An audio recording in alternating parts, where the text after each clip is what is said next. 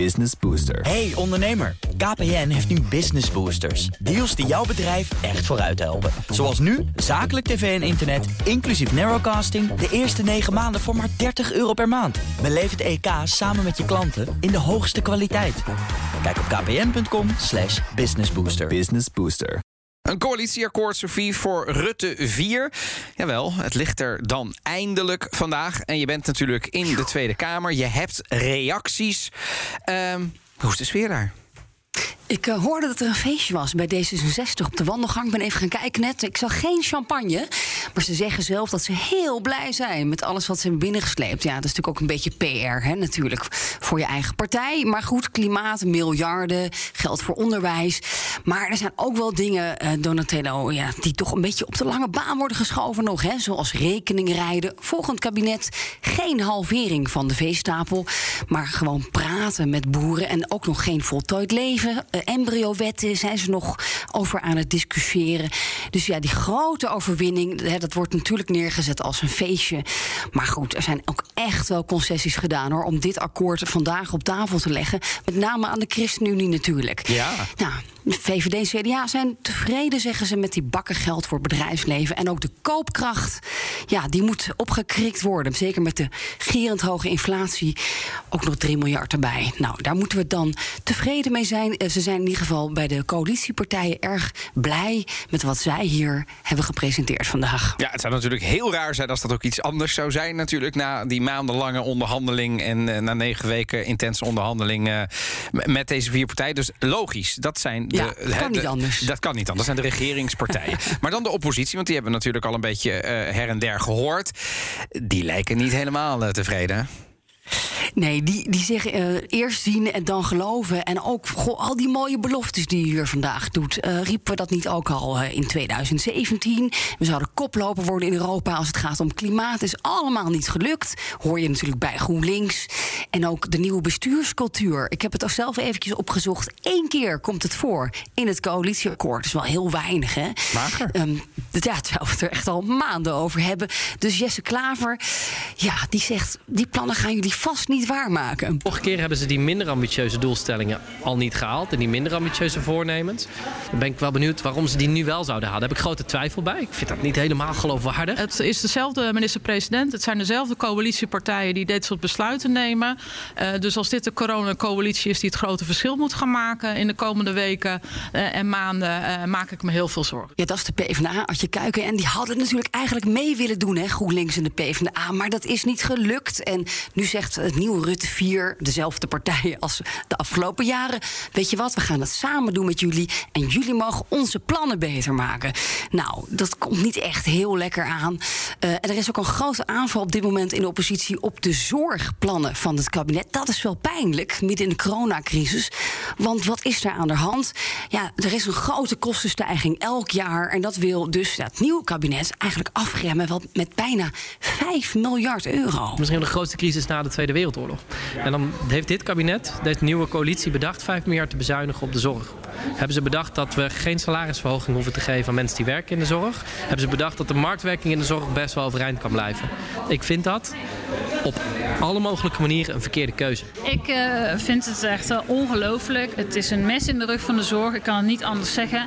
En ik vind het onverantwoord, zeker in deze tijd. Maar ik vind het ook heel asociaal. Zij Lida Marijnissen van de SP. Ja, die messen worden geslepen in oppositie. En die hebben nog helemaal geen zin in samen naar die toekomst, aan die toekomst bouwen. Met dit nieuwe kabinet. Ja, we hebben natuurlijk uh, zeg maar de jarenlange dossiers zoals daar zijn. Rekeningrijden hebben we het al over gehad. Ook de hypotheekrente aftrekken. Hè, jarenlang vermeden in allerlei campagnes. Het H-woord heb ik ook op gegoogeld. Sofie, nul keer in dit. Moet je echt goed zoeken. Het zit verstopt. Um, maar die wordt niet verder afgebouwd, lijkt het. Ik kon het eigenlijk niet vinden, nee. En ja, volgens mij Laurens Dassen van Volt ook niet. En die heeft natuurlijk ook altijd goede connecties met Brussel. Want daar roepen ze: Nederland, je moet je woningmarkt hervormen. Dus je moet dat toch sneller afbouwen. Op straffen van die miljarden, toch? Exact, anders krijg je geen geld uit het coronafonds. Dus ja, ik, ik voeg het even aan, uh, aan Dassen van Volt. Het H-woord, hypotheekrenteaftrek. Heeft u dat al gevonden? Ik heb het niet zien staan. Uh, en ik heb wel zien staan dat er naar het herstelfonds wordt gekeken. En dat is een voorwaarde, volgens mij, om aanspraak te maken op dat herstelfonds. Dus ik ben benieuwd of die 6 miljard, of we die nou daadwerkelijk uit Brussel uh, gaan krijgen. Uh, wat volgens mij echt noodzakelijk is om klimaat aan te pakken, die digitalisering. En ook om te zorgen dat er in cultuur en in onderwijs geïnvesteerd kan gaan worden. Ja, Volt wil echt veel meer geld voor digitalisering. Is natuurlijk ook een grote bottleneck in Den Haag. Dus ja, ze hopen dat via de achterdeur dan Wopke Hoekstra alsnog de hypotheekrenteaftrek gaat toezeggen aan Brussel. Ja. En die 6 miljard hierheen sleept. Zodat wij weer dat fijn kunnen uh, uitgeven aan bijvoorbeeld de Belastingdienst. Hè, of al die andere problemen die wij hebben hier in de uitvoering. Ja, en er is nog wel meer, ja, toch wel gemekker, gewoon onvrede in, in Den Haag bij de oppositie. Ook bij de SGP. Kees van der Staaij, een van de misschien de langzittende man in de Tweede Kamer. Hij vindt het allemaal wel erg duur, die plannen. En ook wel een beetje een dik akkoord. Er wordt wel echt gegooid met miljarden op een manier die ik nog niet eerder zo heb meegemaakt, dat ik me kan herinneren.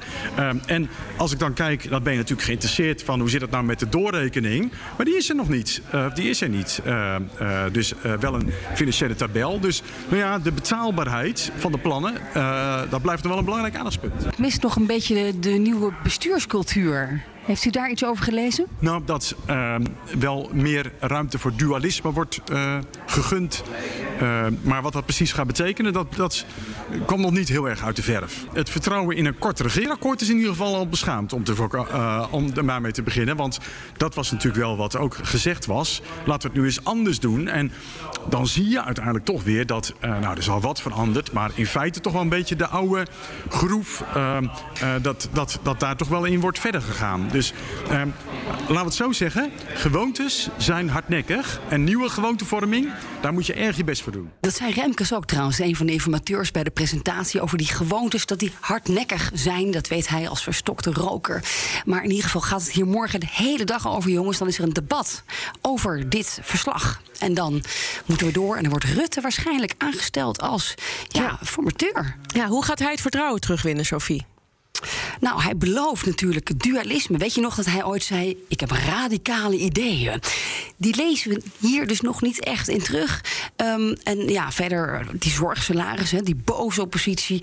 Dan zegt hij toch: Jongens, ik ga niet over de CAO-tafel. Dat uh, moeten andere mensen maar uit onderhandelen. collega Thomas van Groningen die sprak Rutte uitgebreid. Luister even. Meneer Rutte, gaan wij de komende drie, drieënhalf jaar een andere premier zien dan de afgelopen vier jaar? Die blijft dezelfde. En ik geloof ook niet dat je jezelf helemaal kunt heruitvinden. Maar de agenda die er ligt voor 2021 en verder, 2022 en verder, is natuurlijk een totaal andere agenda dan in 2017 of in 2012 of 2010. Dus wat dat betreft zullen de dingen anders zijn. En twee, we hebben natuurlijk met elkaar als politici gesproken over de bestuurscultuur. Uh, en uh, analyse gemaakt, ook na de verschrikkelijke affaire met de kinderopvangtoeslagaffaire die te laat we door hadden. En de opvolging van de situatie met de ellende, alle ellende met de aardbeving in Groningen. Die ons dwingt na te denken over verhouding kabinet-kamer. en daar voel ik mij zeer bij thuis, bij die gezamenlijk getrokken conclusies. Ja, maar dan hebben we het wel over we en een gezamenlijke conclusie. Wat is uw persoonlijke conclusie? Wat gaat u persoonlijk anders doen de komende 3,5 jaar dan de afgelopen vier jaar? Ik ga uitvoering geven aan wat door mij gevoelde programma. En dat is ook op het terrein van uh, dat ik blij ben dat we hebben besloten om die coalitieoverleggen af te schaffen. Dat, er, uh, uh, dat die tussenwereld tussen Kamer en kabinet dat die, wat zal vervagen. hij zal niet helemaal weg zijn. Er zullen ook nog wel ministers hier rondshoppen, dat is onvermijdelijk. Maar dat gestructureerde coalitieoverleg op maandagochtend, dat dat weg is. Dat de politieke discussie zich weer verplaatst naar de ministerraad op vrijdag. Hè, dat die, ik was gezegd, dat doel zou moeten zijn dat het gesprek met de minister-president in nieuwsuur zit. En dat we één vandaag niet halen. Uh, uh, daar voel ik me zeer bij thuis. Maar ook uh, hoe wij het contact zoeken met de rest van de samenleving. En ook de gesprekken die we deze week alweer hadden met sociale partners. Wat ongelooflijk belangrijk is om ook daar het denken en de denkkracht van te gebruiken. Wat als een sluier over dit, dit coalitieakkoord ligt, die leest het continu terug in allerlei hoofdstukken, is dat er gewoon een tekort is aan mensen, vakmensen in Nederland. Hoe gaat u dat oplossen de komende jaren? Nou, dat is een enorm probleem. Uh, dat zal deels ook moeten door innovatie. Je kunt in de zorg niet alles oplossen door te denken dat je al die vacatures kunt invullen. Dus een deel zal ook moeten komen uit, uh, uit innovatie. Deel zal ook moeten komen uit uh, het, het slimme organiseren van het werk zelf. En natuurlijk tegelijkertijd, of het nou onderwijs is of defensie, politie en zorg, mensen motiveren, enthousiasmeren om daar te gaan werken. Ook door, door een consistente agenda neer te leggen. Ik denk wat we nu op de zorg doen, wat we gaan doen bijvoorbeeld op het onderwijs, dat is een, dat is een consistente agenda met stabiele investeringen. Dat geeft denk ik mensen ook het vertrouwen als ze daar werken, dat het ook langjarig stabiel blijft. Maar dan ook hogere salarissen? Ja, weet je, het, het werkt nooit om via de media cao-onderhandelingen te voeren. Dus uiteraard is salaris, uh, de cao is onderdeel van het geheel. Maar uh, het, het aankondigen van lagere of hogere salarissen, dat werkt nooit. Ja, arbeidsmigratie is ook een oplossing. Ja, maar ook maar beperkt natuurlijk. Hè. De, uh, ook daar zitten beperkingen aan. Want de landen waar die mensen vandaan komen, hebben die mensen ook nodig. Dus uh, je moet ook wel kijken hoe sociaal het is. Om nou op grote schaal mensen uit Zuid-Afrika of uit uh, Polen hier naartoe te halen. Als ze ook daar nodig zijn. In de zorg of in het onderwijs. Ik heb nog twee vragen. Uh, de eerste van de twee is, waar bent u het meest trots op in dit akkoord? Ja, ik ben er trots op. En ik ga geen VVD-antwoord geven. Ik ben echt voorgenomen. Omdat ik het een zwaktebod vind op een dag waarin het vertrouwen in de politiek zo laag is. En mensen ook zo klaar zijn met corona dat hier een partijchef staat die staat... Dit puntje heb ik voor de VVD gescoord, ja, en daar ben ik minder blij mee. Maar waar ik trots op ben, is dat um, met z'n vieren, vind ik, een programma neerleggen...